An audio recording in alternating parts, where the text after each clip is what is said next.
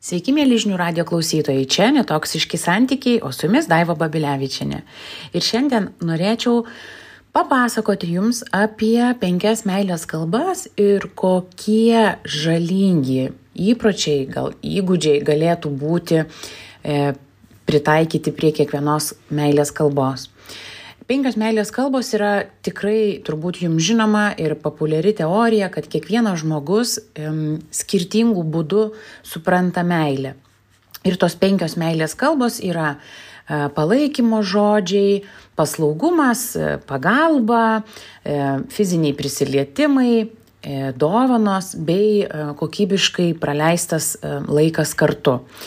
Bet kiekviena kalba šalimais neša ir tokius e, ne visiškai darnius, ne visiškai saugius e, įpročius, įgūdžius, kuriuos mes galime turėti ir jeigu jų sąmoningai nesuvokiame, mes galime žaloti savo santykius. Tai apie tai šiandien ir pabandysiu šiek tiek papasakoti. Tai iš principo, e, kaip ir minėjau, pirmoji meilės kalba tai yra kaip mes suprantame meilę, Tai yra palaikymo žodžiai. Vadinasi, jeigu mes iš antros pusės sulaukiame palaikymo žodžių, e, mes e, jaučiame meilę. Bet gali būti, kad kadangi mums taip svarbu palaikymas, šilti, saugų žodžiai, mes taip pat e, galime ir patys daugiau meluoti, nuslėpti kažkokią tai informaciją. Kodėl taip yra?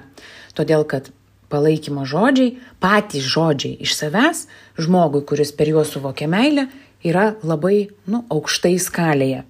Ir tarkim, partnerystėje galbūt partneris mūsų kažko paklausia, mes bijome pasakyti tiesą, tada pradedame meluoti, nuslepiame kažkokią tai intimę detalę ir kasgi nutinka.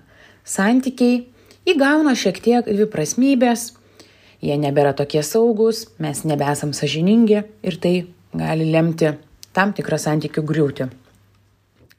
Antroji meilės kalba yra paslaugumas, e, pagalba namuose, galbūt netgi taip. Tai tie, kurie meilę supranta per tai, kiek jų antroji pusė jiems padeda su būtimi, rutina, e, šiukšlių išnešimu, automobilio plovimu, jie turi irgi vieną bėdą.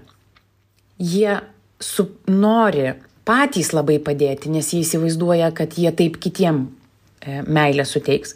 Bet tuo pačiu jiems labai gali būti sunku priimti pagalbą, tol kol tai netampa vėlu.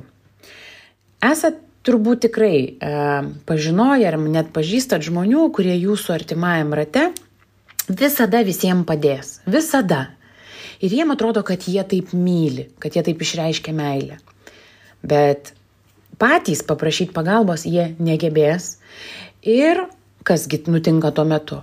Kad atsiranda pyktis, e, nuoskaudos, e, prasta komunikacija apie lūkesčius ir netgi savivertės kritimas, nes paprašyti nemokame, o pagalbos tiesiog paprastai taip nieks neduoda ir galvojam, kad esam neverti meilės. Trečias Trečioji meilės kalba yra fiziniai prisilietimai ir žmonės kurie e, meilę jaučia per fizinius prisilietimus, taip pat gali būti labai jautrus prisilietimui. E, tuo pačiu tai gali reikšti, kad jie gali vengti fizinio kontakto ir intimumo su žmonėmis, kuriuos myli, nes juos tai per daug e, stimuliuoja. Kągi reikėtų daryti tokiu būdu? Jeigu jaučiat, kad vengiate fizinio prisilietimo, nors tai ir yra jūsų meilės kalba, geriausiai būtų mokytis valdyti stresą, nes stresas su kūnu yra labai susiję, susiję ir um, per šitą schemą galima išmokti, e, kodėl būtent vengiate e, to, to fizinio prisilietimo, na ir aišku, tuo pačiu kaip ir vengiate meilės. Dovanų davimas irgi yra meilės kalba ir jeigu jūs įsivaizduojate, tikite, kad um, tik gaudami dovanas patirėte meilę, tai aišku, jūs ir duodate dovanas, įsivaizduodami, kad tai yra jų, jų, jūsų duodama meilė kitam. Bet kasgi nutinka?